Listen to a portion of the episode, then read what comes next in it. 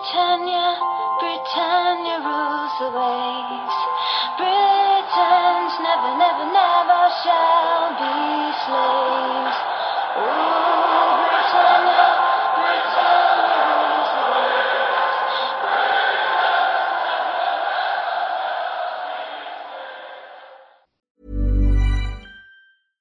Sandra, and I'm just the professional your small business was looking for. But you didn't hire me because you didn't use LinkedIn jobs. LinkedIn has professionals you can't find anywhere else, including those who aren't actively looking for a new job but might be open to the perfect role, like me. In a given month, over 70% of LinkedIn users don't visit other leading job sites. So if you're not looking on LinkedIn, you'll miss out on great candidates like Sandra. Start hiring professionals like a professional. Post your free job on linkedin.com/people today.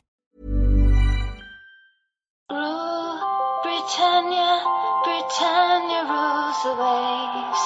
Britons never, never, never shall be slaves. Ooh, Britannia, Britannia rules the waves.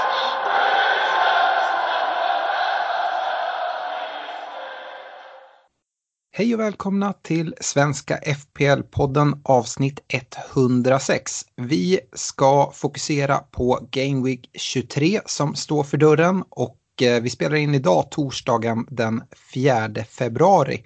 Agendan för dagens avsnitt är att vi kör en eh, vanlig laggenomgång som alltid eh, och följer upp det med en veckans diskussion. Det kom nyheter idag om att Double Game Week 24 och Double Game Week 25 kommer. Vi kommer gå igenom vilka lag det är och lite strategier och intressanta spelare. Vi uppdaterar våra rekommendationer, har en kaptensdiskussion inför Game Week 23 och avslutar med era lyssnarfrågor. Stort tack till Olka Sportresor, Unisportstore.se och Glenn Sportsbar. Med det så tycker jag vi har ett eh, fullt avsnitt här så att eh, det är bara att kasta sig in i laggenomgången och eh, jag lämnar över ordet till Fredrik med varm hand för att prata Liverpool-Brighton när Liverpool åker på en ytterligare en hemmaförlust på, på Anfield med 1-0. Ja, en, en olycka kommer ju sällan ensam och jag är ganska glad att vi inte sitter här och ska grotta ner oss i, i Liverpools förlust utan att vi kan hålla oss till eh, fantasy-delen av den. Eh, det, det var ju vad det var så att säga och eh, det såg inte bra ut för Liverpools del. Alltså en, en 0-1 förlust mot Brighton kan ju se ut på olika sätt men eh, Alltså rent fantasymässigt var ju väldigt många som satt med binden på Sala och han var ju faktiskt egentligen aldrig ens nära att producera poäng. Så att, eh, nej, en stor besvikelse efter att eh, Liverpool har sett ut att vara lite på gång. Eh, så tror jag det var många som, som eh, blev förvånade över att det såg så blekt ut. Det är ju fortsatta skadebekymmer men och, och det är ju liksom såklart en stor anledning till varför det inte ser bra ut. Men jag tycker man kan skylla på det till, till viss del liksom, och man kan skylla på att Brighton gör en bra match men till syvende och sist så handlar det här om att eh, det är en för dålig insats eh, av Liverpool och ska de fortsätta se ut så här, ja då tror jag vi kan börja eh, se oss om efter andra spelare och, och bindla. Eh, för Salah känns eh, eh alldeles för opålitlig. Eh, Kikar vi på de övriga intressanta spe- i Liverpool så är ju det ju, eh, Trent Alexander-Arnold och Andy Robertson. Och ja, jag vet inte. Det är klart att målet som Brighton gör det är liksom en, en rensning och en felträff på ett knä och så går den in. Det, det är ju liksom, har, har man lite liksom att det grinar emot den, då är det sånt som man släpper in. I övrigt så är ju inte Brighton, alltså de har några halvchanser liksom, men, men eh, det är ju rätt så nära att Liverpool får med sig en nolla ändå får man ju säga. Eh, och, och då hade vi suttit med poäng, hade det blivit 0-0 hade vi suttit med, med poäng på, på både på Robertson och Trent. Så att jag skulle väl säga att det är inte liksom någon akut situation att stressa ut någon där. Däremot om det är så att man sitter och mot all förmodan behöver lösgöra pengar med två fria byten så är det svårt att, svårt att, att liksom hindra någon från att ta ut någon av dem och, och downgrada till, till någon som, som ehm, är i bättre form. Eh, Mané var ju osäker och han kunde inte vara, kunde inte vara med och nu eh, så verkar han ju också vara högst osäker. 50-50 ryktades det om eh, inför City-matchen till helgen. Eh, vi får väl se om, om eh, Klopp stressar tillbaka honom eller om man kanske får börja på bänken till helgen. Eh, spelschemat för Liverpool framöver, ja, det är ju liksom... Det är tre tuffa matcher, två fina, men eh, med Liverpools, för Liverpools del så kan man ju fråga sig, är de lätta matcherna inom situationstecken verkligen lätta och är de tuffa matcherna tuffa? Eh, jag tycker det har känts mer som att man eh, presterar minst lika bra i de tuffa matcherna och har ganska svårt för de här så kallade lätta matcherna. Så att, eh, just spelschema och Liverpool det känns vanskligt att koppla ihop eh, allt för mycket. Eh, kikar vi på Brighton så gör de ju en, som sagt en fin fin match rent spelmässigt. Fantasymässigt så är det ju ett ganska så blekt lag. Det är svårt att hitta eh, givna spelare som känns intressanta. Visst, du kan blicka mot en Trossard och han kommer väl undan med är en assist i den här matchen. Men eh, helt ärligt, kommer han att producera mycket poäng framöver? Jag skulle inte tro det. Utan ett solitt lag, men ah, jag... Eh, möjligtvis då om du vill gå på en riktigt billig målvakt så har du ju Sanchez eh, i och med att eh, försvaret har sett ganska bra ut. Men målvakter tycker jag det finns ganska många intressanta och, och det, de är inte så mycket dyrare än vad han är. Så att, då ska det verkligen vara liksom på gnällen att du inte har råd med något, med något bättre. Men i övrigt så, nej jag vet inte, jag har ändå svårt att hitta något uh, av intresse i Brighton trots att de eh, ändå ser liksom fina ut rent, uh, rent spelmässigt. Ja, alltså, det, jag tycker det är svårt. Jag var ju en av dem som kollade på Brightons fina defensiva siffror eh, och avstod att sätta binden på Salah, vilket jag är väldigt glad för så här i efterhand. Eh, nu har de haft ganska tufft spelschema ändå, Brighton, men de har släppt väldigt lite mål. Nu vänder spelschemat. De eh, möter Burnley till helgen, följt av Villa, Palace, West Bromwich. Eh, de fyra matcherna ser ju rätt fina ut, så att jag tänker lite som du, att det är svårt att hitta något offensivt, men eh, varför inte kliva på på någon billig försvarsspelare? Vi, du var inne på det att eh, ja, om man sitter med, med till exempel Trent och Robbo eller någon av dem och man kanske behöver ja, men downgrada någon. Varför inte kliva på Brighton? Jag tänker det inför den här veckan då City och Liverpool ska möta varandra. Det är nog inte helt ovanligt att man kanske sitter med två eller tre City-defensiv och en i Liverpool Alltså jag vet inte riktigt hur man, ska, hur man ska starta då. Det är väldigt svårt och då kan det vara läge att kanske switcha ut någon och då varför inte vända sig till Brighton och, och deras defensiv.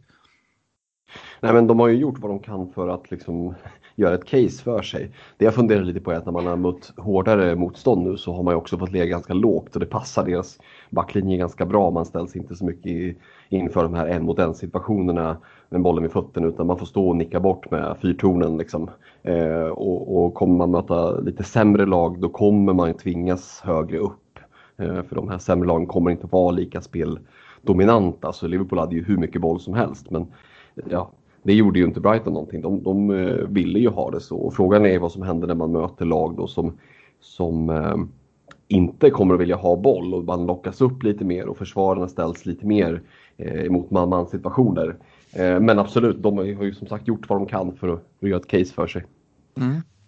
Ja, äh, jag, jag gillar den tanken. Jag tycker i och för sig mot Liverpool så hade de väl, jag vet inte, 37 procent, 35, ja, där någonstans i bollinnehav. Men i de andra matcherna så är Brighton är ju ett spelande lag så även mot lite tuffare motstånd så har de haft ganska, ganska mycket bollinnehav och ändå sett eh, defensivt solida ut. Så att eh, äh, jag gillar Brightons defensiv och tycker det finns ett case där men framåt tycker jag som sagt det är ganska svårt att hitta eh, intressanta spelare. Eh, Stefan, eh, kan inte du snacka lite Leeds-Everton? Everton vinner ju den matchen med 2-1. Absolut. Eh, det här var en öppen match eh, med två fina målvakter och eh, jag tycker det hade kunnat sluta lite hur som helst. Jag börjar med Leeds då. Leeds har ett helt okej spelschema och vi fick ju nyhet idag om att det vankas double game week för dem snart här också. Eh, man har sett lite piggare ut på slutet. Eh, jag tror det passar eh, Leeds rätt bra att eh, liksom, matcherna inte kommer lika tätt eh, nu här ett tag utan det är en vecka mellan matcherna. Eh, det är framförallt deras offensiv som, som jag diggar men det finns även ett case för deras offensiva eh, backar.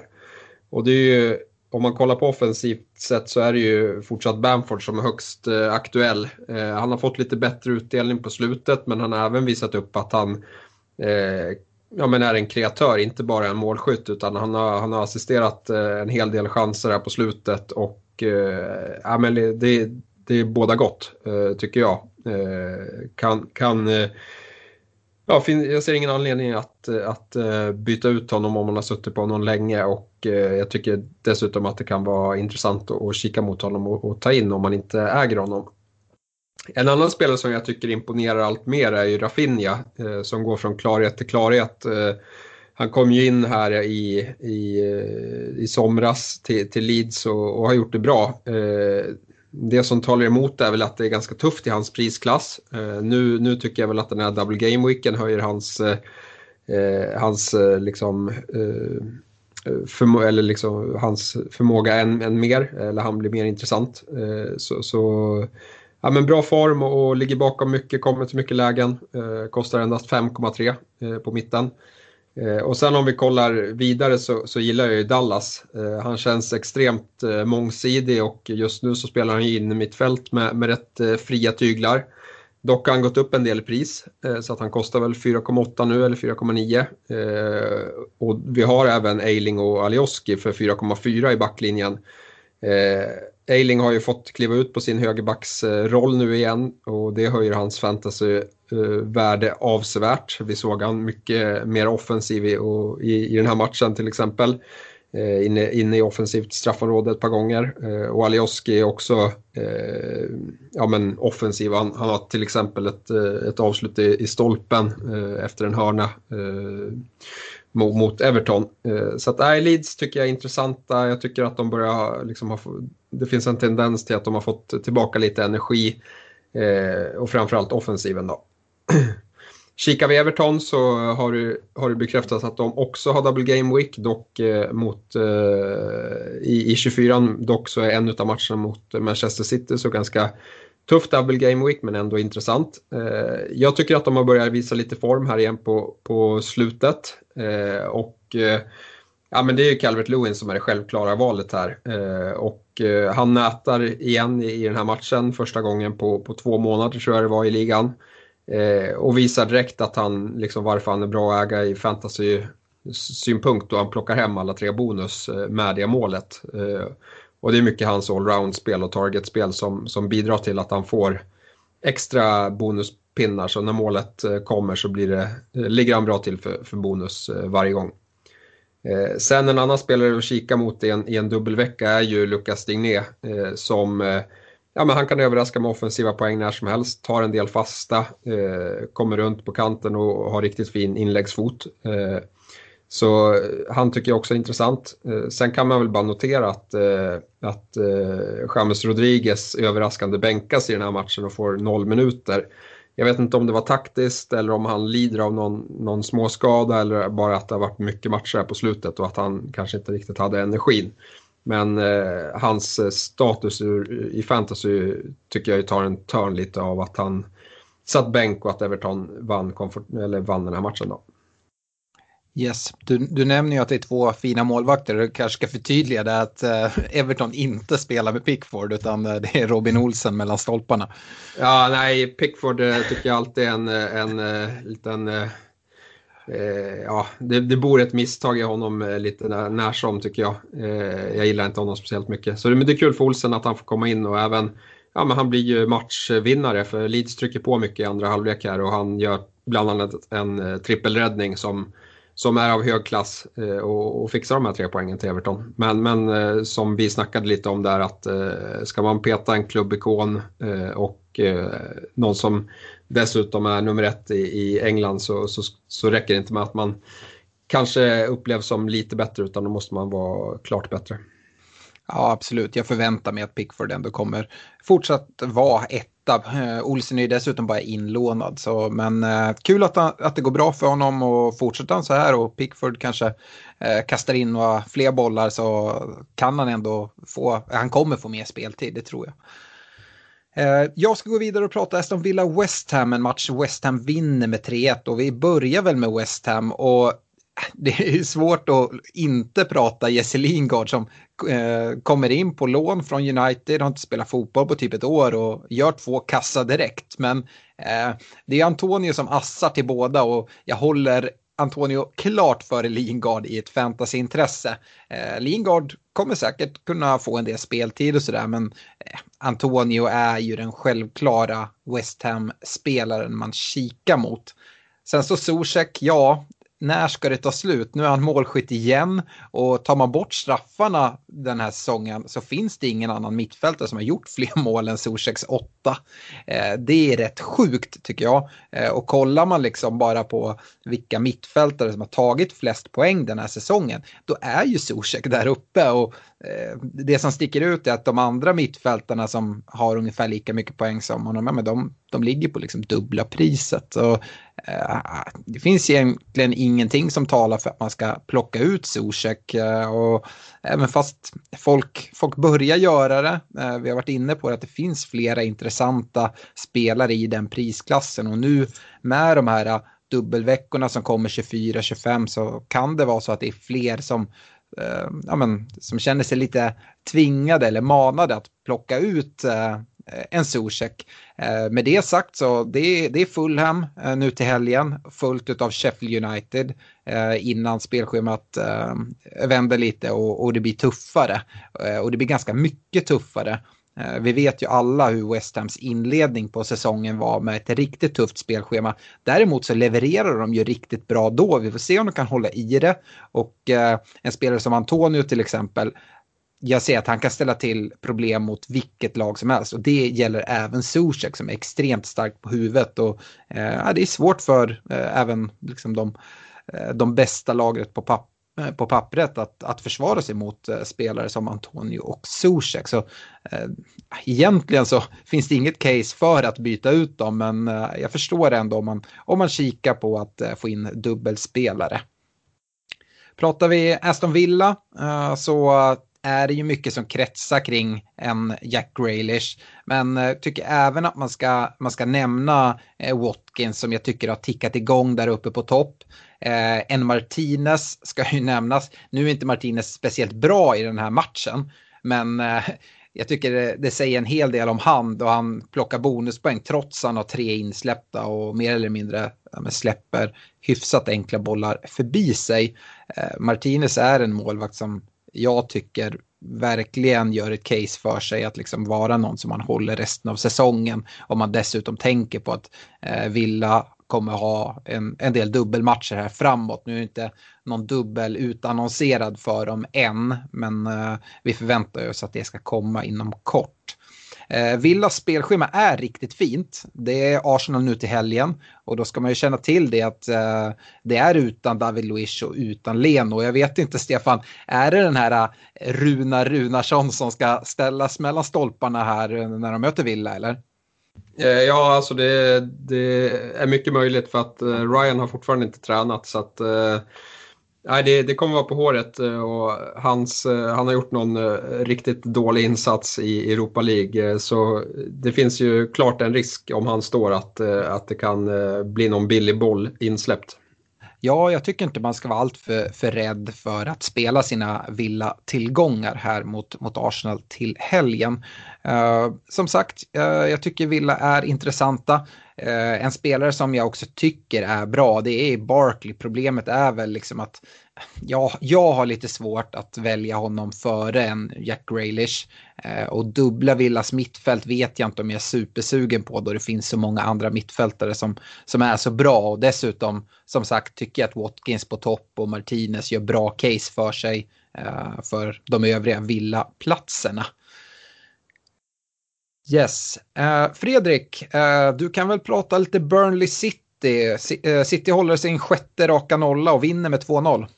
Mm, de gör ju det och, och, de gör det på ett lite annorlunda sätt med en trebackslinje och när jag satt och tittade på den här matchen kände jag bara att vad är det för märklig uppställning han har ställt ut? Alltså trebackslinjen var väl tydlig men jag blev inte klok på trebackslinjen, någon form av diamant. Alltså, Eh, Sterling hamnade i en, ett jättekonstigt mellanläge. Ja, jag vet att han gjorde mål i matchen men hamnar väldigt långt ut på kanten. Vi har en Cancelo som, som trycker fram, men när han ska ta sin yta och slå inlägget, då råkar Riyad Mahrez stå där i vägen.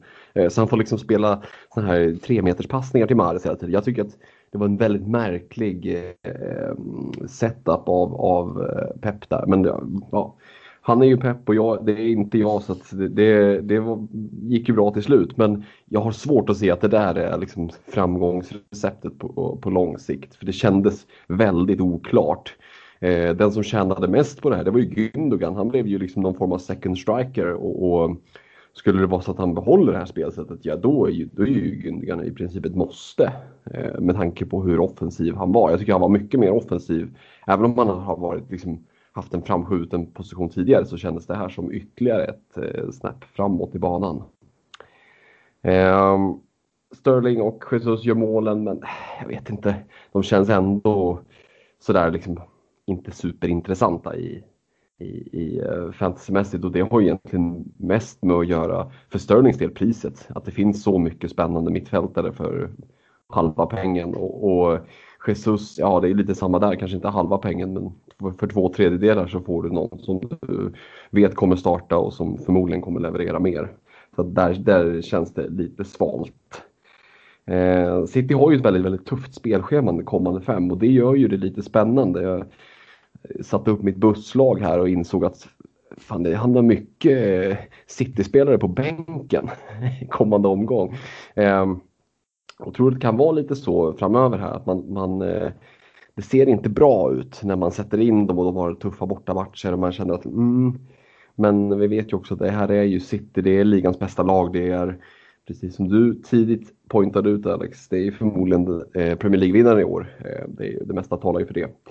Eh, som det ser ut just nu. Så att eh, även om matcherna ser tuffa ut så har ju alltid City en, en god chans att, att hålla nollan. Ehm, jag måste väl nämna någonting om att eh, Phil Foden eh, blir bänkad, får inte ens komma in. Eh, och, och, har man som jag klivit lite snett på City-tillgångarna och hamnat på en Foden nu så kan det ju vara läge att göra antingen någon form av sidledsbyte till om man vill plocka in Gündogan och säkra upp. Eller som jag kikar mot att kanske plocka in en Jomin Son istället för en Foden och, och och under det här lite tuffare spelschemat gå ner på två City-tillgångar. Också då för att på ett enkelt sätt kunna plocka in De Bruyne när han väntas vara tillbaka här om ett, ett par, tre omgångar. Eh, kikar vi på Burnley så tänkte jag säga så här, ah, det är inte så mycket intresse med, med, eh, med Burnley Fantasy men eh, Eh, det hux flux så känns det ju hyperintressant. Och jag som råkar sitta med Ben Mi i mitt bygge, det var ju ingenting man skröt om tidigare. Men nu känns ju det helgivet. Och, och Brighton hemma i, i eh, Game Week 23, en fin fin dubbel i 24 med Palace borta, Fulham hemma, fullt av West Brom hemma i 25an.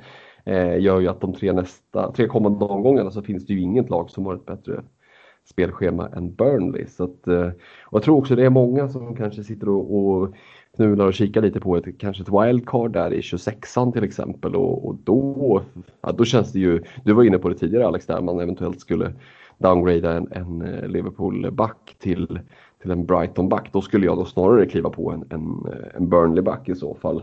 Mi eller Tarkovsky, de spelar ju i princip varje match där. Skulle jag rikta in mig om jag inte redan satt på Benny.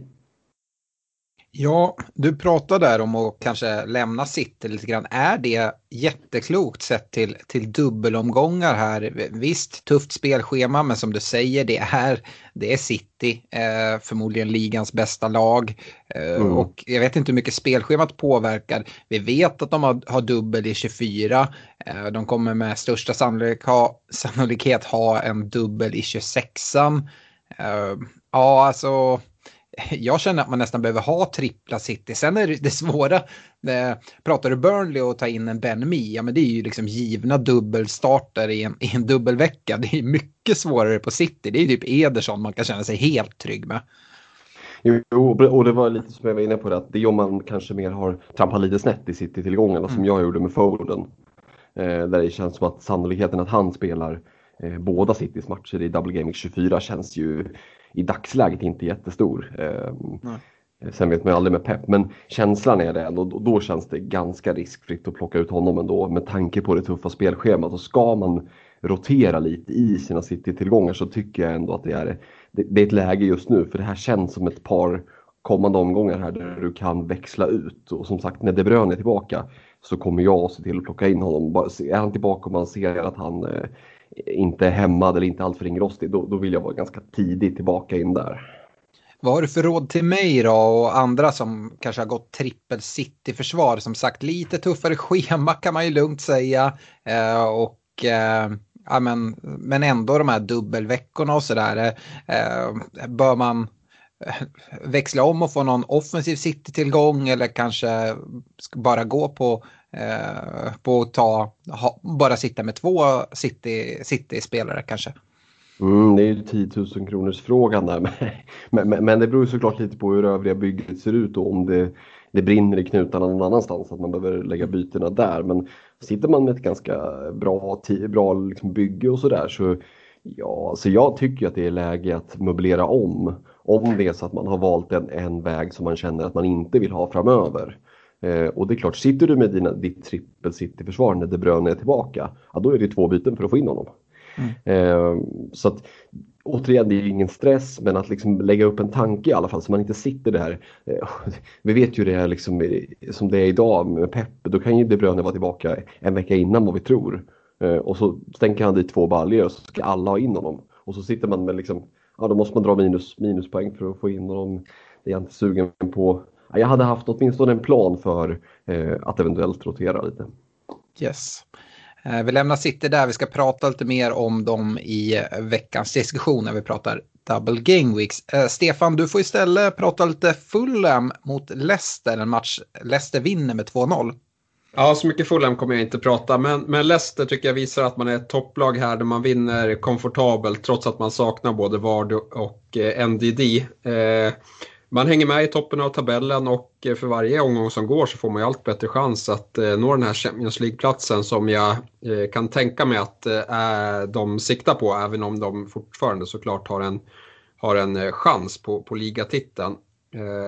Men jag tycker ändå att liksom, med tanke på att, det blir, att matcherna blir lite svårare för Leicester eh, efter, efter nästa omgång så tycker jag att eh, liksom, rekommendationen blir att behålla eh, spelarna man har snarare än att blicka på att ta in någon av deras eh, spelare. Eh, och lite kort bara om hur det ser ut då, så tycker jag framförallt att Madison har, har axlat eh, frontfigursrollen här i, i Vardys frånvaro med bravur och eh, är återigen riktigt bra i den här matchen. Eh, dock så tycker jag inte att man ska ha panik om man har gått på, eh, på eh, Harvey Barnes eh, istället. Då han, ja, men han ser fortsatt eh, fin ut. Han, han har ju ett eh, mer direkt eh, hotande spel än, än vad Madison har. Eh, kommer till fler avslutslägen. Och han har eh, tre avslutslägen i den här matchen också.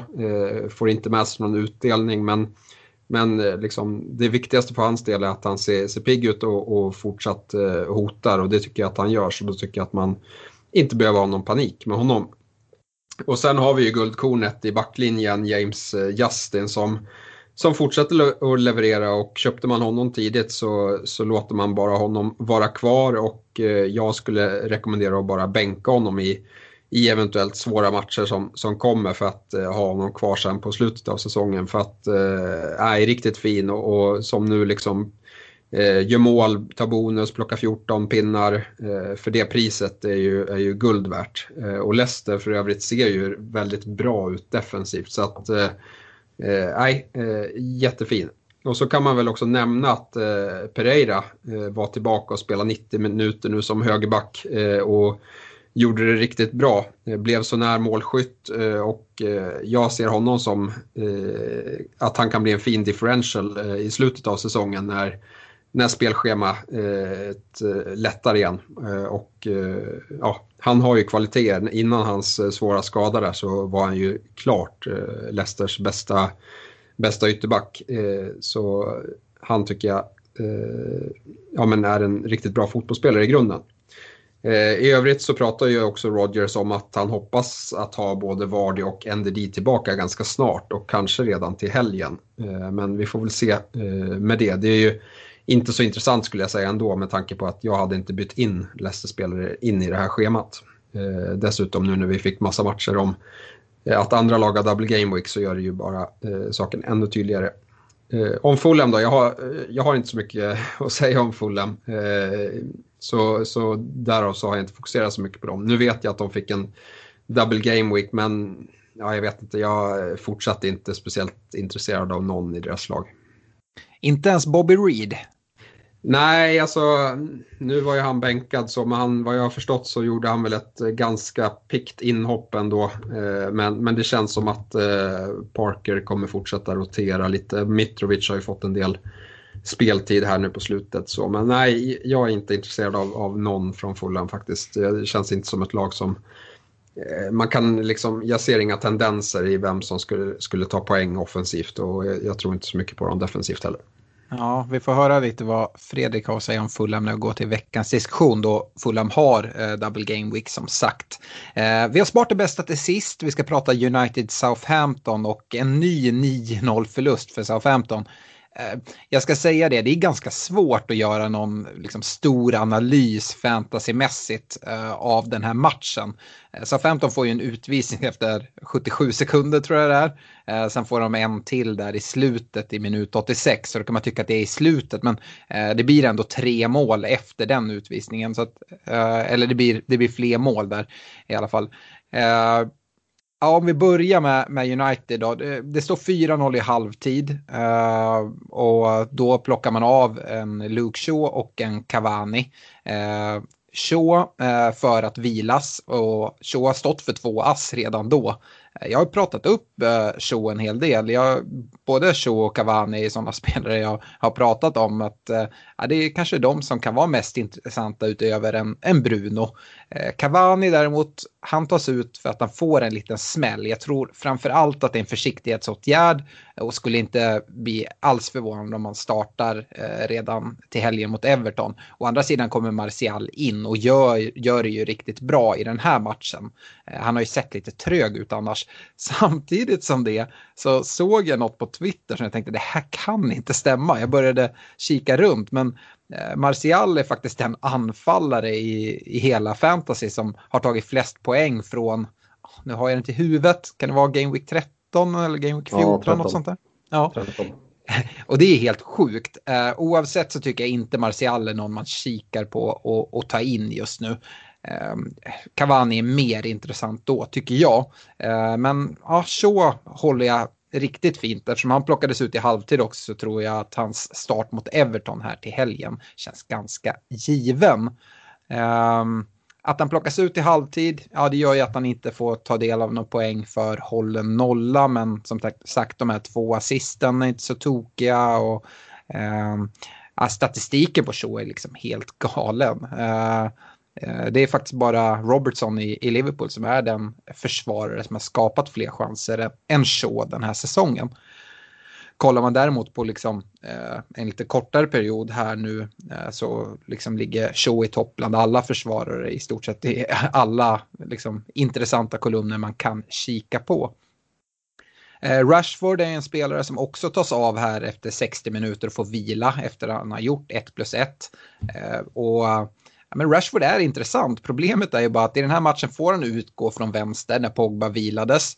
Eh, och det är där man vill ha honom. Och jag ser inte att Pogba kommer vila speciellt mycket utan han har ju sett också väldigt bra ut. Och då får Rash flytta över till högersidan och där därifrån är han inte lika intressant. När Pogba spelas eh, då tycker jag att intresset både för Rashford och faktiskt även från en Bruno Fernandes som kommer lite djupare eh, blir mindre eh, intressant. Sen tycker jag fortsatt att Bruno är en sån spelare som man bara sitter med i bygget. Eh, jag tycker inte det finns någon anledning att, att skeppa ut honom överhuvudtaget. Så ja, men Bruno har man. Vill man kika på något mer kan man antingen gå på en Luke Shaw som, eller en Wan-Bissaka Eh, kanske mer för eh, de defensiva eh, poängen. Eh, jag vet att han gör mål i den här matchen och sådär men eh, jag tror inte man ska räkna med allt för mycket offensiv utdelning. Då har så mycket bättre chans. Men eh, vill man ha en spelare som startar vecka efter vecka, ja men då, då är Wan-Bissaka ett bättre alternativ. Eh, Southampton då, ja, jag drar inte allt för stora växlar av det här resultatet. Jag gillar Southamptons spelschema och, sneglar lite smått mot en, en Danny Ings. Eh, men eh, det är svårt att utvärdera Ings i en sån här match. Han får ju kliva ner på en kant ganska tidigt efter den här eh, väldigt onödiga utvisningen. Eh, de behöver få tillbaka lite spelare från skador och sånt där. Eh, och ja, Eh, men Ings är en spelare som jag, jag kikar mot. Det, det börjar bli trångt om anfallsplatserna som vi tyckte det var ganska svårt att hitta spelare på förut. Men eh, ja, eh, det är väl det. Det man kan säga är väl också att tidigare när SA-15 har gått på de här liksom, plumparna. vi vet de förlorade med 9-0 förra säsongen mot Leicester och de har haft andra liksom, så här, riktigt eh, rejäla torsk så har de kommit tillbaka väldigt, väldigt starkt. Så att, eh, ja, jag skulle inte bli förvånad om eh, SA-15 studsar tillbaka ganska omgående sett till att de också har det här fina spelschemat. Övriga matcher då eh, som vi inte har gått igenom. Det är Sheffield United West Bromwich, en match Sheffield vinner med 2-1. Eh, en match eh, mellan Wolves och Arsenal där Wolves vinner med 2-1 som jag vet att Ars eh, som Stefan gärna undviker att prata om. Eh, ganska irriterande domslut och eh, frustration kring, kring Saka. Eh, Newcastle Palace, en match Palace vinner med 2-1 och sen spelar Spurs och Chelsea idag. Jag tror avsparken är precis nu faktiskt när vi spelar in klockan 9 saker som jag plockar upp från de här matcherna det är väl eh, dels att Saka var tillbaka i Arsenal, tycker att han gör det bra och oflyt och inte får, eh, får poäng med sig i den här matchen. Sen störs ju även den här matchen av utvisningar. Eh, framförallt där eh, på Luis innan, innan halvtid. Jag tyckte Arsenal eh, såg riktigt bra ut fram tills den utvisningen. Eh, I eh, Newcastle Palace tycker jag också att det är värt att nämna att eh, van Anolt verkar nu ha tagit tillbaka sin plats och går före Mitchell. I alla fall sett till nu när Palace har det här fina spelschemat med enkla, lite enklare matcher. Och framför allt tar jag med mig att en Wilfred Zaha kliver ut skadad här i andra halvlek. Och vi vet eh, Pallas utan Zaha eh, blir mycket sämre, både offensivt och defensivt. Så att eh, man får följa prognosen där. Jag vet inte om någon av er har hört något om den prognosen. Stefan, har du hört något? Eh, om? Zaha. Nej, men eh, det var väl lite oklart om han var borta länge eller inte. Eh, men men eh, Hodgson var inte så, lät inte så upbeat om han skulle tappa en till eh, kugge eh, här. Eh, det verkade ju som att det var en allvarligare skada. Det kändes som när han drog den intervjun. Eh, ja. Så vi får se. Ja, och som sagt, eh, jag gillade ju Pallas schema väldigt mycket här, men om Zaha är borta, det är för det första den, den mest intressanta spelaren att plocka in, men det gör ju även övriga Pallas spelare rätt ointressanta, för ja, jag tycker de är, är riktigt svaga utan han i laget. Eh, Spurs-Chelsea kan vi väl ändå nämna, även om vi inte den matchen har spelats än så har vi fått indikationer på att en Harry Kane förhoppningsvis är tillbaka i nästa vecka. Kanske redan till, till FA-cupen mot Everton, eh, men annars till, till City eh, eh, helgen efter där. Eh, så eh, eh, ja, det gör ju Ah, en spelare som Son väldigt mycket mer intressant och eh, man kanske redan nu bör kika på en väg att få in Kane i anfallet här eh, till den förväntade dubben i Game Week 26. Är det något annat ni vill skjuta till om, om de här matcherna? Om vi börjar med dig Fredrik. Ja, men det är väl egentligen från, eh, från Newcastle Crystal Palace där. Noterar att Wilson fortsätter att leverera poäng, assist i den här matchen. Och, och, ja, det fortsätter att ticka där och, i samma match också så är det så att Zaha inte har någon allvarligare skada här nu så tycker jag att den här Etze eh, ser väldigt spännande ut. Och jag förstår ju också att Zaha är ju liksom eh, den man går till såklart om man kikar på Pallas. Men, men en Etze tycker jag tycker han ser eh, spännande ut och där känns det som att det kan hända saker hela tiden. Och man kan ju tycka att motståndarlagen borde lära sig att liksom punkta Zaha för då får man bort honom får man ju bort ganska mycket. Men å andra sidan då öppnar det upp sig ytor. Eh, Esse är en liten, en liten dark horse. Mm. Ska vi nämna någonting också om Chelsea som för andra matchen i rad startar en Marcos Alonso på ytterbacken och Chilwell är förpassad till bänken igen. Eh, Stefan, hur, hur ser du på, på Chelsea här? Ja, nej, men det här, eh, det här gör ju Alonso till ett eh, riktigt alternativ skulle jag säga. För går man före i en bortamatch mot, eh, mot Spurs, då är man första val. Liksom, han spelade dessutom matchen innan, så att det, det handlar ju inte om att Chilwell skulle vilas senast utan jag ser Alonso som första val att han kommer ha platsen tills, tills han ja, men gör, gör bort sig. Eh, och, och, jag har svårt att se att han ska göra bort sig nu när de eh, ska möta Sheffield och, eh, och Newcastle i alla fall på, på kort sikt. Så att, eh, är Alonso ett alternativ men samtidigt så fick vi beskedet här om massa double game weeks så man kanske måste fokusera på på de bytena mer än, än, eh, än Alonso just nu.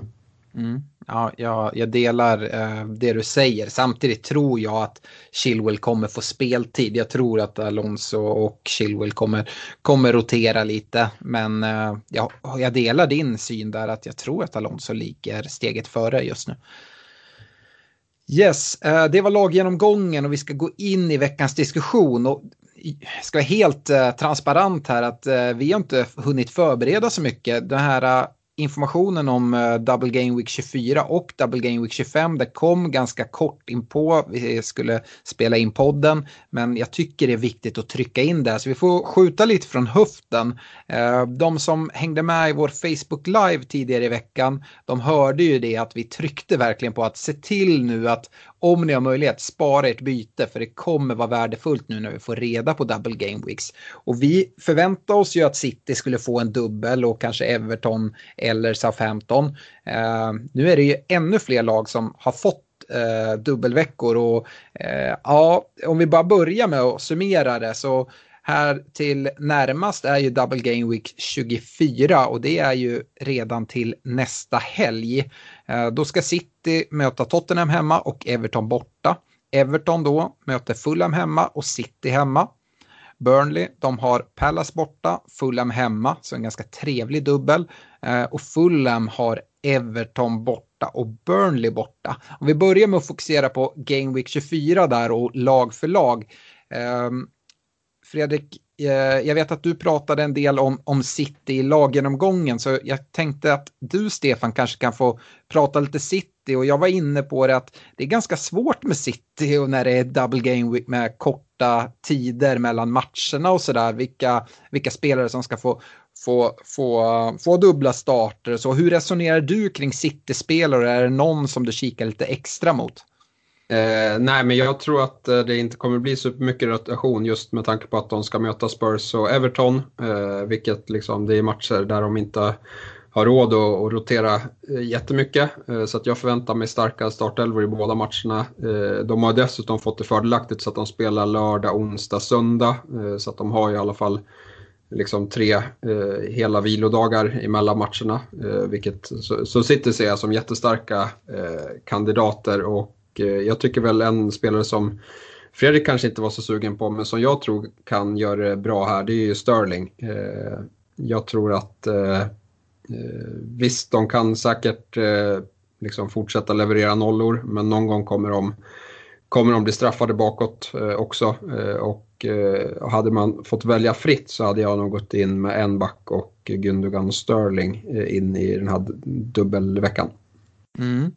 Och bakåt så tror jag väl att Diaz är den som är mest given men som liksom Cancelo, jag har svårt att blunda för Cancelo just nu. Nu såg jag lite highlights från matchen här mot Burnley och eh, han är ju liksom inne och har, jag tror att han har två avslut in i boxen, något eh, avslut precis utanför.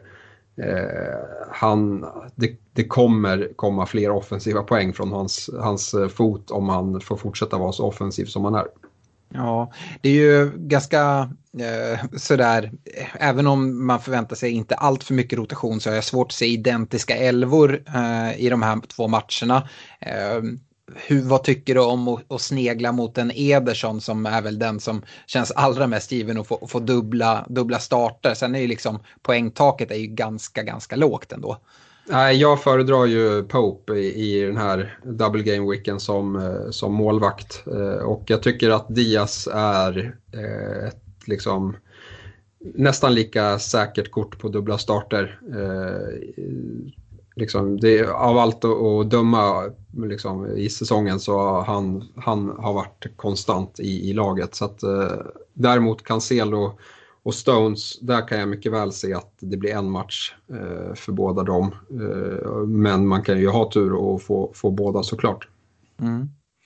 Eh, Fredrik, har du något att tillägga där om City? Jag vet att du pratade en del om dem i, i laggenomgången, men om det är något mer du vill, vill säga gällande deras dubbel här i 24an?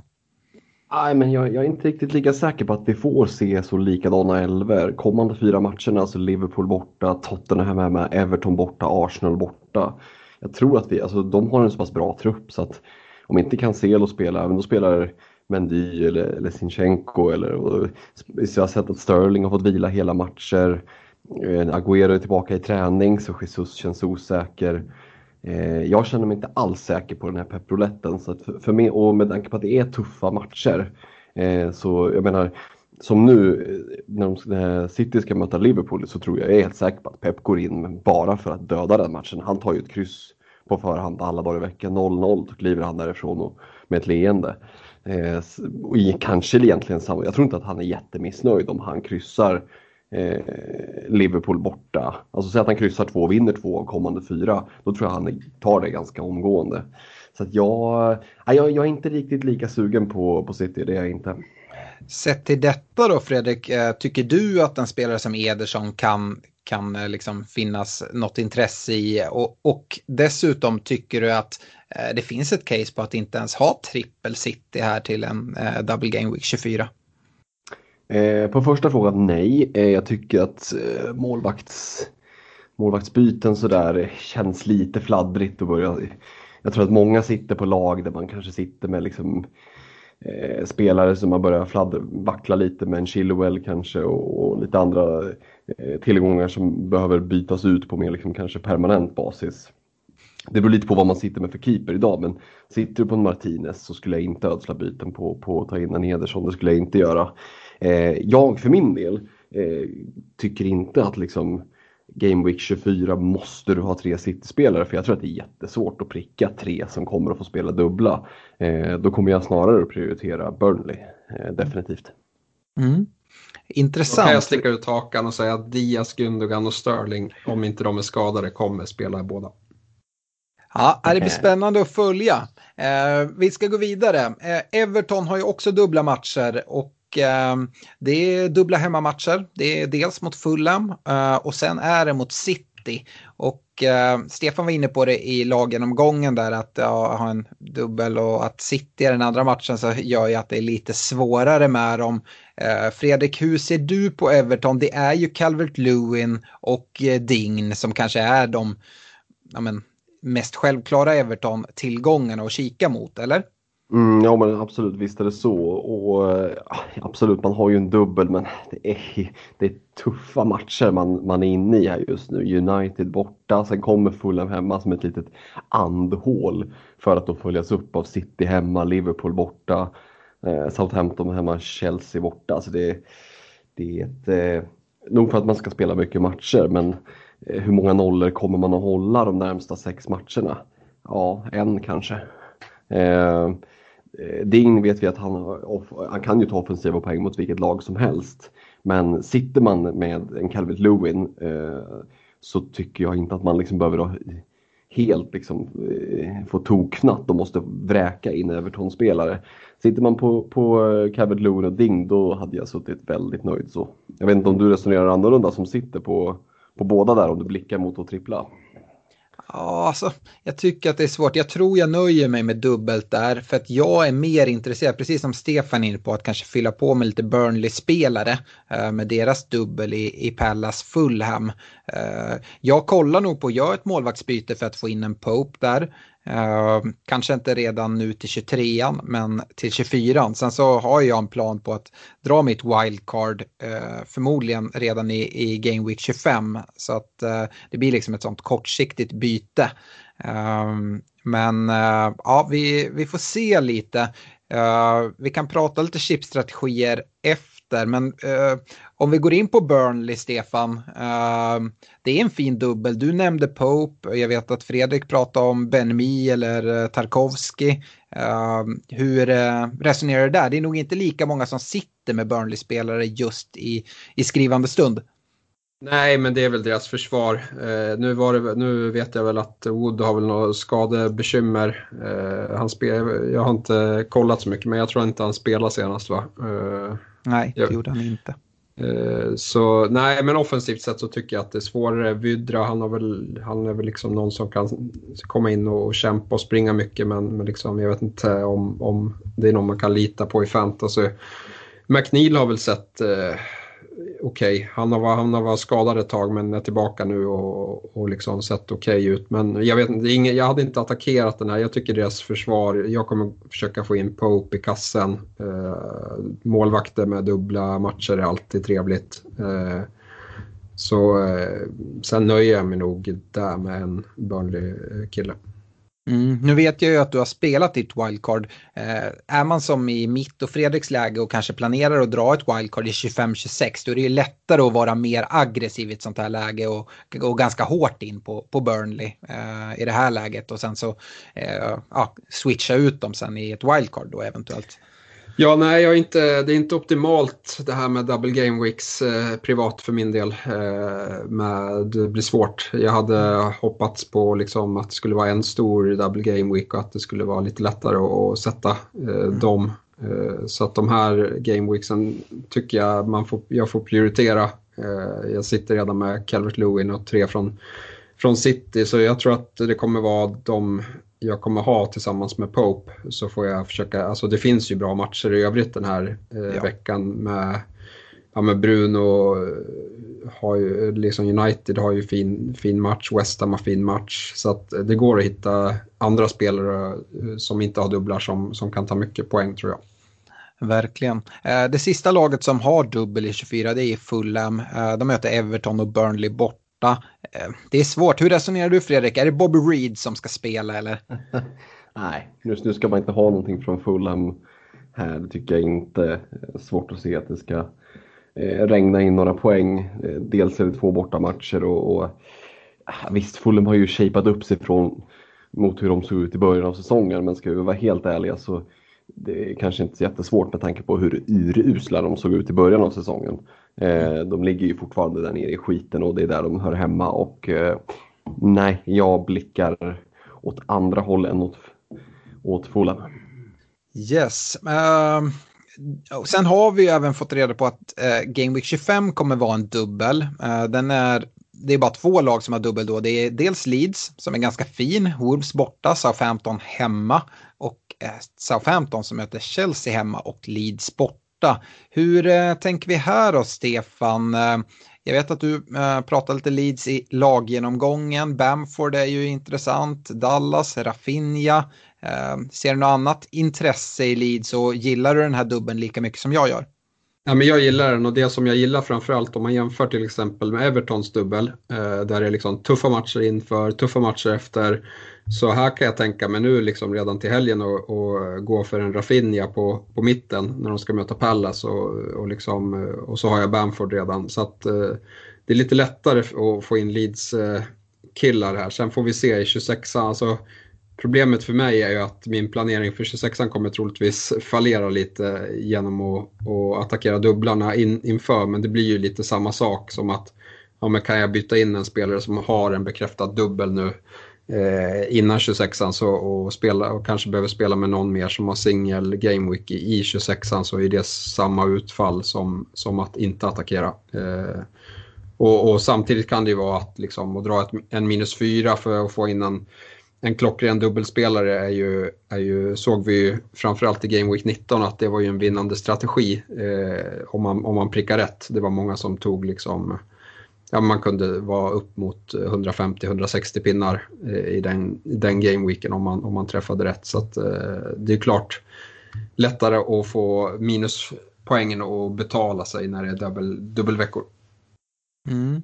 Fredrik Southampton, jag nämnde i laggenomgången att jag kikade mot Ings eventuellt. Hur ser du på Southampton? Finns det något intresse där för deras dubbel i 25 mot Chelsea och Leeds? Alltså Southampton är ju ett svårt lag. Eh, jag, lägger precis som du inte jättestor vikt vid den här torsken. Liksom det, det, är ju vad det är. Eh, så att säga, det var en match. Eh, så att jag håller också ett, ett spanande öga.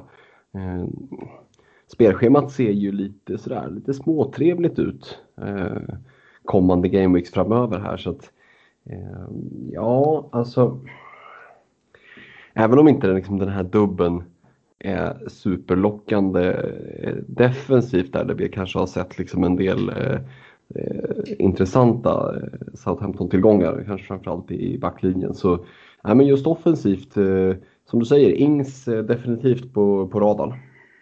Jag kanske ska nämna det, jag tror inte jag gjorde det i lageromgången. Stefan, visst blev Bednareks röda kort upphävt och han inte är avstängd nu här till, till helgen? Exakt, de drog tillbaka det. Mm, eh, så det kan vara bra att känna till om man sitter med han i bygget så att han kommer inte så eh, Alla som kaptena Fernandes kan ju vara jävligt glada för att eh, domarna var så kassa i, i matchen. Ja, å andra sidan så kan jag då tycka att eh, det är märkligt av VAR att gå och flytta eh, straffen eh, som, som Mike Dean dömer till en, till en frispark. Så då kanske det skulle I och för sig sant, den, det hade jag glömt bort. De skulle haft en straff tidigare. Ja. Men, men han får behålla sina minuspoängen då i fantasy? Jajamän. ja, det är ju som att verkligen rub it in the face alltså, på de som har honom. Ja. Uh, det som yes. jag tyckte i alla fall var bra var ju att Mike Dean i alla fall gick till skärmen för att liksom kolla. Det, det tycker jag alltid att uh, man bör göra när det är uh, sådana matchavgörande situationer. Ja, det håller jag med om och uh, vi kan väl passa på att ge Mike Dean lite cred för att det är inte så ofta vi gör det. Uh, nu, det är de dubblar som vi vet nu. Vi vet att uh, Game Week 26 också kommer bli en dubbel, men det vet vi först hur den kommer se ut efter FA-cupen som är i Midweek nästa, nästa vecka. Uh, så vi får avvakta och se lite där, men vi kan väl förvänta oss att den blir något mindre, även fast den kommer vara större än de här dubblarna. Eh, nu när de trycker in matcher eh, redan här innan. Hur resonerar ni eh, med, med chipstrategier och sånt? 24 och 25 är väl inget som är solklara chips. Jag, som sagt, jag är inne på eventuellt ett wildcard i, i 25an och det har jag varit sedan innan. Ja, nej, precis. Det är väl en jättevettig strategi. Eh, om, eh, för det kommer ju vara, nu kommer det vara svårt att och sätta liksom eh, de man vill ha i 24-25 och sen kommer det troligtvis vara andra spelare man vill ha i 26an så att eh, eh, då tror jag att wildcard passar jättebra där i, i 25an. Mm. Uh, men om man sitter med liksom free hit och bench boost och triple captain och sånt. Ser ni, det, det är väl triple captain man skulle kunna kika mot men uh, inget jättebra triple captain alternativ va? Fredrik? Nej, ah, svårt att se att man triple cap, alltså nog för att jag gillar Ben Me i, i 24 men det är kanske inte är triple captain läge direkt. Nej, den, den, skulle jag sitta och spara på. Det är också som sagt det chippet som är lättast att uh, slänga fram som knallpulver lite, lite oväntat sådär. Så den skulle jag hålla på och egentligen bara njuta av att vi får liksom lite så här småmysiga double game weeks. Jag tycker de här när det bara är några få lag som har double game weeks, det är de som är de allra roligaste snarare än de här riktiga fetingarna när nästan alla lag har dubbla. Det är roligare när det är en, två eller fyra lag som har dubbla. Då, blir, då kan det bli liksom, eh, spreta lite mer tycker jag. Mm. Hur eh, resonerar ni kring att ta minuspoäng när det kommer till det här? Stefan, du var inne lite på det att eh, till 19 till exempel så eh, de som tog minus, det var många som fick ganska bra utdelning på det. Hur eh, tänker du här nu inför 24 och 25? Är du beredd att, att plocka minus? Eh, nej, det är jag nog inte. Alltså, jag tror att de flesta har redan varit beredda på att City skulle få en dubbel eh, och har liksom två eller tre spelare därifrån redan. Eh, för det är, väl, det är väl framförallt liksom, eh, storlagen som man kan, kan eh, kika mot eh, mer tycker jag. Eh, annars är det väl Leeds eh, dubbel som jag lockas mest av. Men Nej, jag vet inte, jag, jag kikar nog inte på att dra så mycket minus eh, här. Men, eh, men liksom, det, det beror på lite vad man sitter i för situation när man ska sätta ut laget för, för omgången också. Om man känner att vad fan måste jag spela med den här singelspelaren, jag tror, inte, jag tror att han kommer ta max eh, liksom, två pinnar, då, då kan det ju vara läge om man, om man har ett direktbyte till någon annan som har, som har double. Mm. Resonerar du annorlunda Fredrik? Ja, men alltså, minuspoäng för min del vill jag, jag kan tänka mig att dra det ibland. Speciellt eh, Fattigmans wildcard, alltså två fria byten och göra tre byten, ta minus fyra. Om jag kan se att det håller på lång sikt. Men nu med tanke på vad som komma skall här, eventuellt stor dubbel i 26an och för oss som sitter med wildcard kvar kanske det blir ett wildcard då. Då känns det väldigt ballsy att börja dra massa minus nu för väldigt kortsiktiga moves. Eh, såklart med brasklappen för att man inte vet hur varje enskilt bygge ser ut men eh, jag kommer att, att hålla mig från eh, minuspoäng. Yes, eh, vi kommer få anledning att återvända och vi kommer ju faktiskt ha en podd i nästa vecka där vi lägger mer fokus på Game Week 24. Så uh, vi kanske ska spara det där. Tanken är väl att vi spelar in på tisdag i nästa vecka. Eh, med det så går vi över till veckans rekommendationer och eh, det har ju varit så tajt med spelschemat så att de här rekommendationerna som vi har haft sedan tidigare, ja men de är liksom två gameweeks gamla. Eh, men eh, om vi börjar på försvarssidan, Fredrik, så hade du Sofal, Cancelo och en Martinez i kassen. Vill du uppdatera något där? Mm, jag tänkte det. Alltså, Sofall har ju två, jag vet att folk börjar liksom lämna skeppet på, på West Ham men Sofall har ju fortsatt två fin, riktigt fina matcher så det, honom kan jag bara inte lämna riktigt än. Eh, Martinez hade lite tvål i handskarna där i matchen som var men eh, som du var inne på Alex, det här är ju en spelare att hålla säsongen ut tycker jag.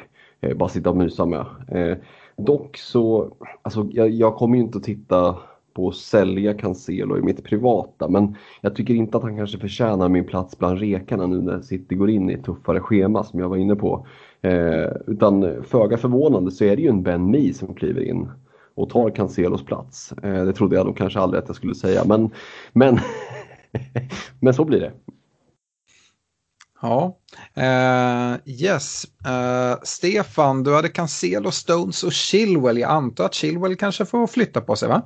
Ja, Chilwell får, får stryka på foten. Eh, Citykillarna blir kvar eh, och så får vi se om man får dubbla starter. Jag tycker den här vilan som både Cancelo och Stones fick mot eh, Sheffield var väntad. Eh, liksom när man såg spelschemat så var det matchen eh, att vila folk i eh, och det, det följer rätt ut. Nu tog de två segrar här planenligt mot, mot Sheffield och Burnley. Jag tycker att liksom, Diaz Stones i mittlåset, eh, jag ser ingen anledning till varför eh, Guardiola skulle eh, rucka på det. Eh, det har ju sett eh, sjukt bra ut. Eh, så, men, men sen får de, eh, eh det, Chilwell ryker och Shaw kommer in. Eh, jag tycker att, eh, nu har inte jag fokuserat så jättemycket på dubbelveckorna men jag tycker Shaw ser riktigt fin ut. Hade otur här senast som blev utbytt i, efter 45 när han hade tagit betydligt mer poäng om han hade varit kvar på plan. Eh, bara liksom med nolla och bonus och sånt. Eh, men eh, vilan är ju liksom, vi blickar ju framåt och vilan är ju, är ju fin för honom att ta sig in i Uniteds fina spelschema här på, ja, fram till, till eh, de, den stora dubbelveckan som vi förväntar oss i 26an. Mm.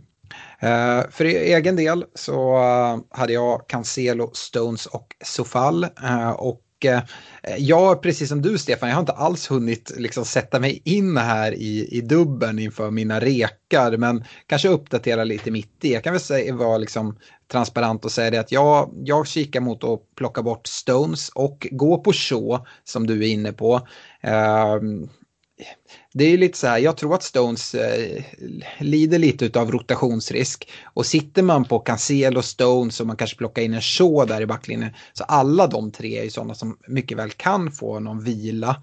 Eh, och då tycker jag det är för många. Och då vill Cancelo, ja men det är jag beredd att ta en vila på med hans liksom höga, höga poängtak. Och dessutom eh, mångsidighet och kan spela på flera positioner. Stones, mm, hans tak tycker jag, vi, vi vet han gjorde en jättebra double game week men eh, jag förväntar mig inte de poängen här framöver utan det är liksom för nollor man har honom och då vet jag inte. Då är jag mer sugen att sitta med så. Eh, sen så gillar jag Fredriks rek på, på Ben Mi och kanske framförallt sett till med, med man sitter med en eh, tilltänkt wildcard eh, och den här dubben som kom. Eh, så av den anledningen så tror jag att jag även byter ut Sofall och plockar in Mi här lite på uppstuds bara. Det är inget jag hade förberett men äh, jag, jag gillar Ben Mi också i det läget. Äh, på mittfältet så hade jag Saha, Son och Gündogan. Och äh, Eh, ja men Saha nu skadad då eh, vad det verkar så eh, är det så att Saha visar sig inte vara skadad då tycker jag att han är ett jättebra alternativ med det fina spelschemat. Men jag utgår från att han är borta, eh, vilket jag tror. Eh, och då plockar jag bort honom och ersätter med en Jack Grealish i Aston Villa som jag gillar väldigt mycket. Han har inte dubbel nu i i 24 eller 25 men förväntar mig att han har det i 26an. Eh, Gündogan tycker jag fortsatt är intressant och håller. Eh, Son, jag vet att det har liksom tisslats och tasslats lite om honom eh, och nu utan Kane och sådär. Men ryktena att eh, Kane ska vara tillbaka redan här mot City eh, gör att jag tycker att han kan få vara kvar. Eh, så att eh, Son, Gündogan och Graylish blir det för mig och det är samma där. Jag har inte tänkt speciellt mycket på, på double game weeks i de rekarna. Eh, Fredrik, du eh, hade Madison, Foden och Zuzek. Mm, här blir det storstädning. Eh, Zuzek ska ju såklart ingenstans. Det, han, han är ju cementerad. Men däremot så tänkte jag byta ut Madison mot Rafinha som Stefan var inne på en del här. Som sagt, Leeds dubb, kommande dubbel ser intressant ut och generellt sett tycker jag att han har sett spännande ut. Så Rafinha kommer in istället för Madison. Och sen är det väl bara att svälja stoltheten och säga att Foden det var ju en för jävla usel rek. Så att, eh, eh, gör om ju rätt, ut med Foden, in med Jong Min Son. Eh, gillar spelschemat eh, och eh, jag tror att Son är en sån spelare som kommer att leverera kommande fyra gameweeksen. Yes. Uh, Stefan, Gündogan Graylish Bruno satt du på. Yes, och där sitter jag lugnt kvar i båten. Mm. Kikar du på att plocka in Graylish också i ditt privata eller? Ja, kika, men han kommer nog inte komma in. Så att, eh, eh, nej, men det, det, var ju, jag stod mellan Saka, nej, jag skulle ha bytt in Graylish såklart så här i efterhand. Men, men eh, jag, jag, såg inte 9-0 komma för United. Eh, så därför bytte man ut eh, Rashford och sket i att kaptena Bruno. Eh, och det slog ju lite, lite fel va? Ja, du är nog inte ensam med det. Eh, på anfallssidan, eh, Stefan, så hade du Kane och Antonio. Nej, det var ju liksom innan Kanes skada och allt sånt där. Eh, det är väl svårt att ha kvar Kane även fast han är på väg tillbaka här. Ja, nej, han är ju skadad och han kommer ju liksom, den intressanta matchen för, för Spurs tycker jag är mot, eh, mot eh, West Brom eh, nu och eh, där, därför rycker ju Kane. Antonio, han, han trotsar ju alla odds, eh, kommer tillbaka glödhet. Eh, West Ham liksom pushar för en Champions League-plats, eh, måste man ju ändå säga att de gör. Och ja, nej, visst spelschemat kommer bli sämre för West Ham, men just nu tycker jag Antonio är den forward som övertygar mest i hela ligan. Eh, och han får väl sällskap av Bamford eh, som eh, ja, men har sett allt bättre ut och jag gillar spelschemat och de har dessutom dubbel. Jag rekade ju Antonio och Calvert Lewin och det känns ju hårt mot Calvert Lewin att ta ut den nu med, med dubben. Men om jag liksom måste välja så är det nog han som får, får liksom stryka på foten för jag vill verkligen ha in Bamford till den här Game Week 25. Sen så tycker jag inte man byter såklart inte ut Calvert Lewin nu inför liksom eh, deras dubbel 24 men den är mot City, det är en ganska svår match. Uh, så man kan sitta med Calvert Lewin och sen så ha som plan till eh, veckan efter där och, och, ta in Bamford. Så eh, jag, plock, jag plockar bort Calvert Lewin från, från reken just nu och det är ju för att de här rekarna är ju inte tänkt för liksom nästa game week utan det är på lite sikt och då vill jag gärna sitta med både Antonio och Bamford.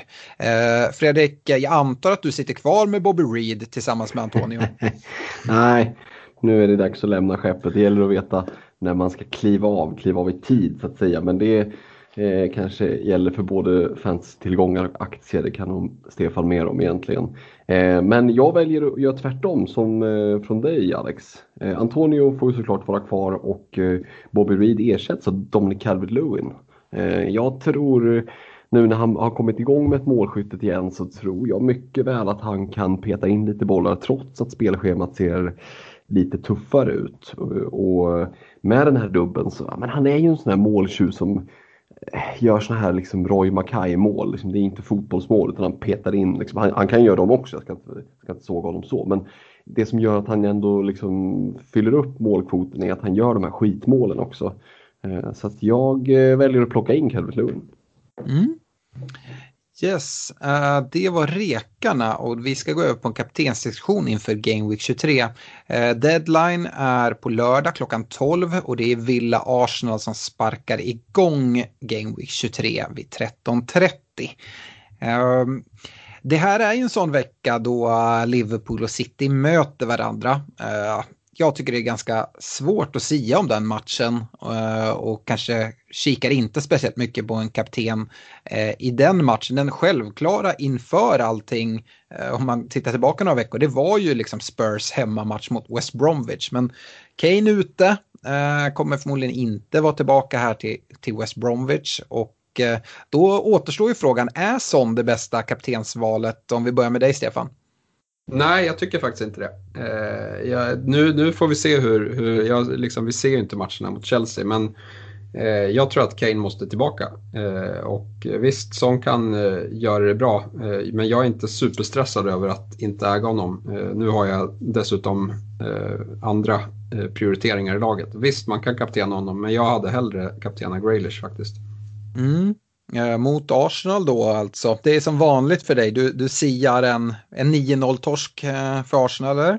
Nej, men bara, bara liksom eh, eh, den eh, att chansen att Runarsson ska stå eh, gör ju att... Å andra sidan talar det Luis eh, röda kort blev ju inte tillbakadraget så att eh, vi slipper ju honom i backlinjen vilket eh, såklart höjer Arsenals chanser till, till defensiv utdelning om man säger. Mm. Men, men nej, jag tycker Graylish är ett bra kaptensalternativ. Jag tycker även att Antonio är det. Ja, Antonio möter ju Fulham eh, borta. Jag eh, tycker faktiskt han är ett, ett riktigt bra alternativ. Jag vill inte skriva av Son helt ändå. Jag tycker det är lite lurigt. Sen så är det eh, övriga lag som jag kikar mot. Jag vet att Leicester har en bortamatch mot Wolves. Jag tycker att Wolves är ganska svaga. Nu vinner de mot Arsenal men eh, om vi kollar innan Luis utvisning så var Arsenal ganska dominanta. och och eh, Leicester då med en eventuell Vardy tillbaka.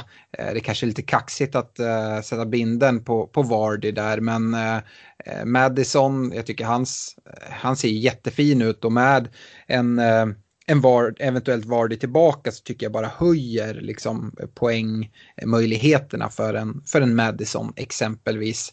Eh, sen så, alltså, ja, United-Everton, Bruno kan blanda sig in där. Vart eh, står du någonstans Fredrik? Eh, håller du med Stefan om att eh, Graylish kanske är det bästa alternativet? Jag tycker det är svårt faktiskt att, poängta ut det bästa. Jag tycker det här är en rolig gameweek ur den aspekten att det finns enligt mig ingen liksom, tydlig etta. Jag satt och spånade lite på kaptener, skrev ner både Son och Antonio och Graylish. Hade jag suttit med en Danny Ings i laget så hade jag varit jäkligt sugen på att kaptena honom borta mot Newcastle. Kan tänka mig att eh, Southampton-spelarna är rätt sugna på att gå in och visa att eh, 9-0 är inte who we are. Liksom. Och finns det något bättre gäng att göra det mot en, ett sopgäng som Newcastle? Ja, så det, det skulle kunna liksom bli 0-3 och två baljor av Ings utan, utan problem. Eh, nu sitter jag inte med Ings i laget och jag kommer inte plocka in honom heller. Så för min del landar jag nog ändå i att eh, förutsatt att jag gör bytet och tar in Son eh, så tror jag att han får min bindel ändå. Eh, och det är mest för att inte övertänka det för mycket i slutändan. Att jag tror någonstans att eh, Spurs kommer att vinna den matchen och att Son kommer vara inblandad i, i målen som, som ger vinsten. Mm. Vad, vad, säger du Alex? Vart kommer din bild att landa? Uh, ja, jag vet inte. Jag satte den ju på Cancelo uh, här den senaste veckan, så jag undvek ju Sala men missade Bruno. Uh, men Bruno var faktiskt aldrig på tal för mig, utan det stod mellan Cancelo och uh, Sala och då får jag ändå vara nöjd med, med utfallet som, som blev. jag känner mig inte bekväm att sätta binden i matchen Liverpool City för jag tycker det är alldeles för mycket oklarheter där. för mig så står det ändå, jag har Son i laget redan får se lite, det beror lite på vad som händer idag. Nu eh, går vi mot halvtid i, i den matchen. Chelsea leder med 1-0 efter en straff. Eh, Werner eh, blev neddragen och Jorginho eh, hoppade in bollen. Eh, ja, det står mellan Son eller förmodligen Bruno för mig. Eh, jag, jag är inte helt Eh, övertygad om Evertons försvar. Det som talar emot Bruno är såklart att jag förväntar mig att Pogba startar den här matchen och då kommer Bruno lite djupare ner i banan. Men eh, ja, just nu lutar jag nog mest mot en Bruno-bindel här. Eh, ändå. Jag gillar, precis som Stefan var inne på, bindel på Antonio. Jag gillar även din rek på, på Ings. Eh, men eh, jag kommer inte ha varken Ings eller Antonio. Eh, så då går det nog mot Bruno. Skulle jag ha Antonio i bygget så tror jag att jag tycker att det är bästa alternativet. Eh, det är vad jag landar i. Vi kan väl konstatera vi... i alla fall att det, det, finns ju en uppsjö av alternativ och det finns inga tydliga rätt och fel. Så att, återigen, vissa veckor känns det ganska tydligt, vissa veckor är det helt öppet. Det här är ju liksom den senare utav dem. Så att, vill, vill du spela Allan Ballan för att citera Alex, så är det den här veckan du ska göra det för att här kan du verkligen latcha ut en bindel på, på någon helt oväntad och få en bra, riktigt bra differential. Precis, ja, men det man kan säga att vi är lite splittrade men det känns väl som att vi eh, samtidigt håller med varandra egentligen i alla alternativen. Eh, så det är ingen som sticker ut och säger någon som vi andra tycker är helt galet att, att sätta binden på. Eh, men eh, ja, det är kul att se hur vi ska landa i ett gemensamt beslut i, i poddlaget där, Stefan. Ja, nej, det blir, det blir intressant. ja. men jag, jag håller helt med i det här att det, det är svårt. Eh, liksom, sån är ju på förhand, liksom, om man inte tänker på, på omständigheterna, är det ett solklart val. Men, men eh, med tanke på det som har hänt med Spurs här och Keynes frånvaro så, så tycker jag att det öppnar upp hela, hela spelfältet egentligen. Mm. Yes, uh, vi har hållit på ganska länge nu. Vi ska hoppa in i lyssnarfrågorna, dra av några. Vi kommer nog inte hinna köra alla, men uh, uh, Anton Hedberg, han uh, kikar mot Double Game Week 26 och det är ganska svårt tycker jag. Han undrar vilka lag som troligen kommer spela dubbelt och om hur man ska tänka strategiskt med byten och sådär jag, nu, nu kom ju Game Week 24-25 här, Eh, så nu är det liksom fullt fokus på dem och jag har väldigt svårt att tänka på, på 26an innan, innan den eh, liksom annonseras hur den kommer se ut. Eh, så att eh, jag jag tycker nog lite is i magen. Jag vet inte, det är lätt för mig att säga som planerar ett wildcard i alla fall och inte lägger så mycket energi där. Så därför kanske jag ska skippa över den till dig Stefan som jag vet har dragit ditt wildcard. Hur, ja, hur går dina tankar? Har du liksom Game Week 26 i åtanke trots att vi inte vet hur den kommer se ut?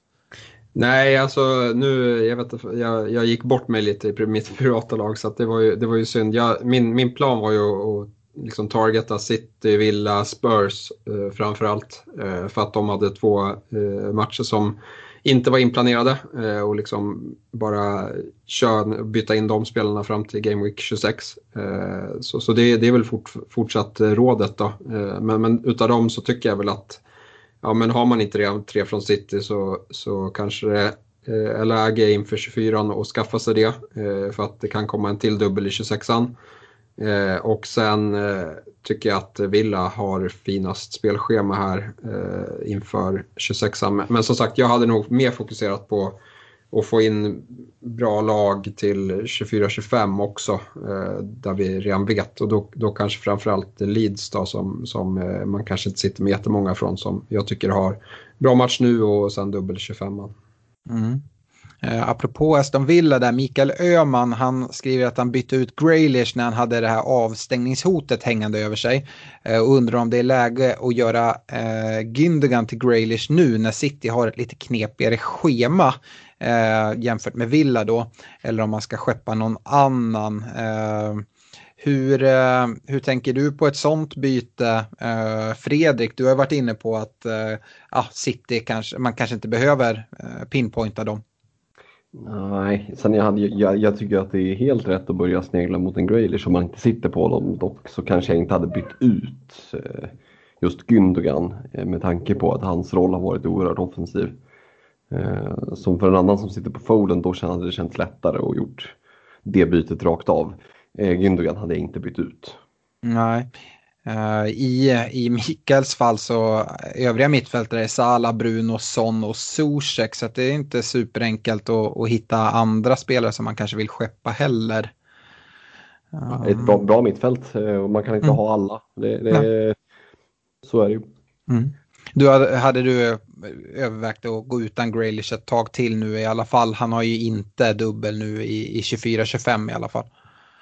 Ja, det är absolut ett alternativ. Det finns, det finns alla möjligheter att gå utan honom alternativt växla Sala för att få loss pengar till en Kane längre fram när han är tillbaka om man sparar bytet. Det finns lite olika vägar att gå. Mm. Uh, Stefan, Niklas Sjöström undrar om det är dags att lämna Robertson nu. Sala och Robertson var de enda som presterade dåligt, skriver han. Eh, ja, och undrar liksom vad det finns för tankar kring ersättare till, till Robertson. Eh, ja, jag hade nog eh, föredragit att skeppa ut Sala faktiskt. Eh, det man kan vara trygg med att gå utan Sala ett tag nu det är ju att han kommer inte vara kaptenad de kommande tre omgångarna. Eller att om han är kaptenad så fine, eh, din vinst för att du kan kaptena någon som har en dubbel och, och tjäna i, i fatt på, på Sala. Eh, så att eh, jag tycker att man inte ska vara rädd för det i alla fall, eh, trots att han heter, heter Salah. Sen kanske man har mycket uppbyggt värde och då gör det lite krångligare såklart eh, att få in honom. Eh, men, men, just för Robertson, jag vet inte. Visst, han, han kanske inte har sett supervass ut så här på slutet, eh, skulle jag säga. Någon så liksom... Ja, det är svårt med, men, men så här, ja, min rek var ju, var ju så eh, om man inte ska gå på city, citybackarna. Eh, mm annars så är jag, jag diggar ju reken på Ben Mi också eh, med, mm. det här, med de här spelschemat. Mm. Jag, måste bara skjuta in frågan här till, till dig Fredrik. Eh, eh, hur känner du där med, med Stefans tanke på att kanske skeppa ut en Mohamed Salah?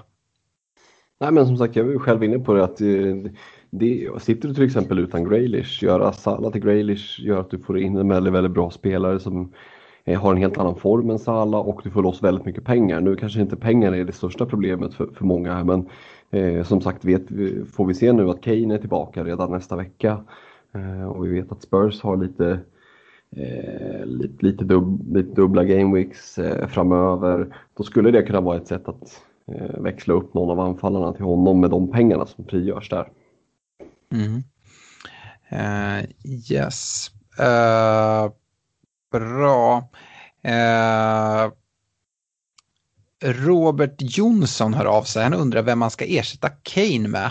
Uh, han sitter fortfarande kvar med Kane uh, och har även Antonio Watkins. Eh, uh, lite, han är lite inne på chansen med Jesus.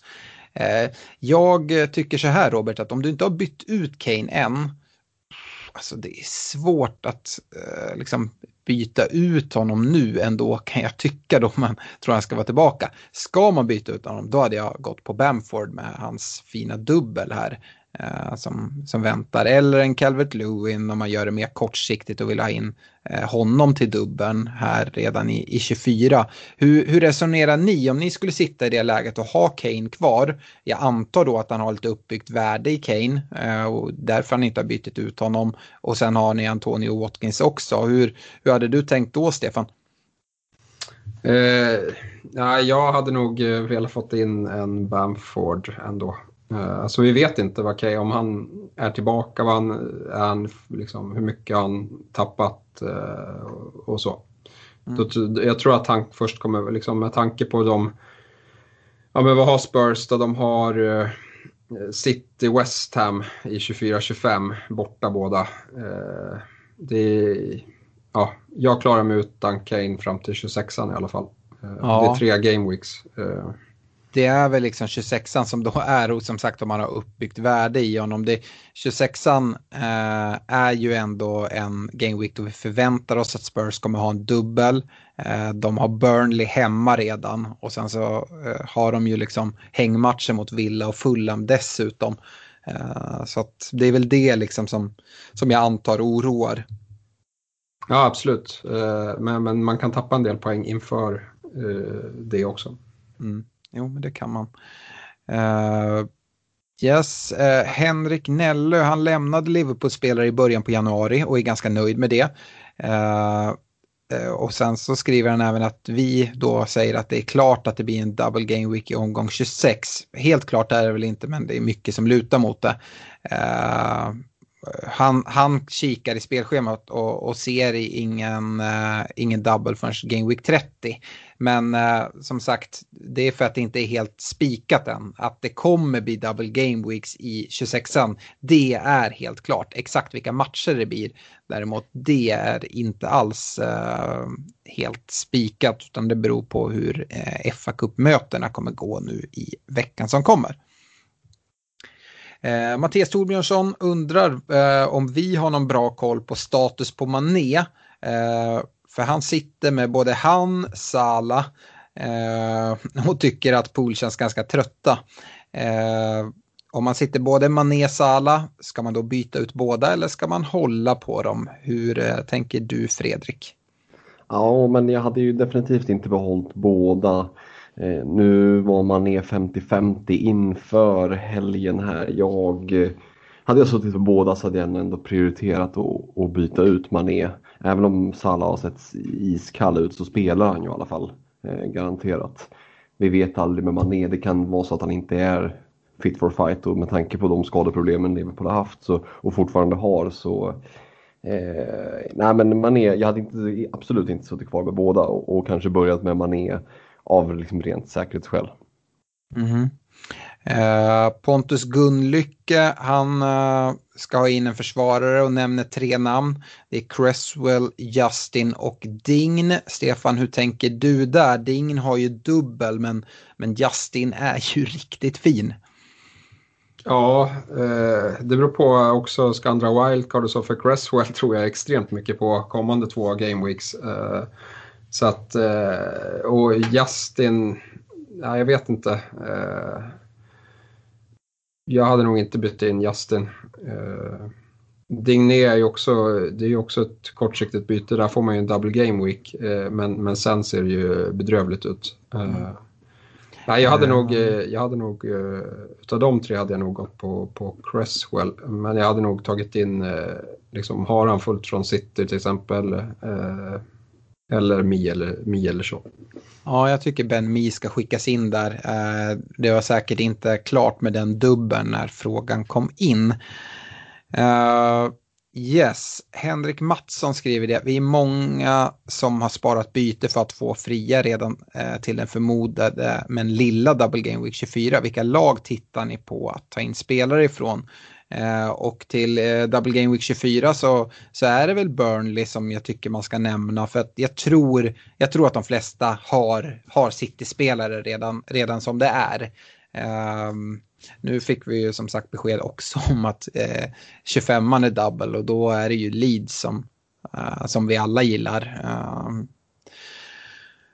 Simon, Simon Greco, han, av någon anledning sitter han... Ja. ja. Nej, jag kan bara flika in där att uh, man, kom, man kan ju få en bra ledtråd här för att City möter ju Swansea i FA-cupen mm. uh, på onsdag, uh, tror jag det är. och liksom, ja men säg att Sterling vilas hela den matchen. eller liksom man kan få ledtrådar i alla fall om de ställer över sådana ordinarie pjäser så ser det ju riktigt fint ut att få två starter på dem i, i 24. Mm. Eh, Simon Greco han eh, sitter av någon anledning med, med Bernt Leno i mål. Nu missar han här. Jag tycker det är ett bra läge att, att switcha ut Leno. Eh, och undrar vem man ersätter med. Och för mig, jag kollar jättemycket mot Pope. Eh, och men det är ju också för att jag ska göra det här dub, liksom wildcardet längre fram. Till mitt wildcard kikar jag på Martinez. Eh, och är det så att man redan har gjort av sig med sitt wildcard, ja men jag tycker inte det är helt fel att gå på Martinez redan nu, även om inte han har dubbel här i 24 eller 25 hur, hur resonerar du där, uh, Fredrik? Ja, det är jättetråkigt, jag ryggar det resonemanget rakt av det är inte så mycket mer att säga, det är bara att ta det rådet och, och följ det och krångla inte till det. Mm. Eh, jag tror att vi avslutar så. Eh, det är vissa frågor vi inte hann med här. Eh, jättekul att ni eh, ställer frågor, men eh, ja, vi måste eh, begränsa det lite grann och förhoppningsvis kan vi ta upp era frågor här framöver. I nästa podd eh, så kommer ni in med nya frågor då. Eh, jag eh, tackar för den här veckan och önskar alla ett stort lycka till här till Game Week 23 och eh, nästa poddavsnitt så ska vi väl eh, djupdyka ännu mer i eh, Double Game Week 24. Eh, stort tack från mig, ha det bra! Ha det bra! Ha det gott, ciao!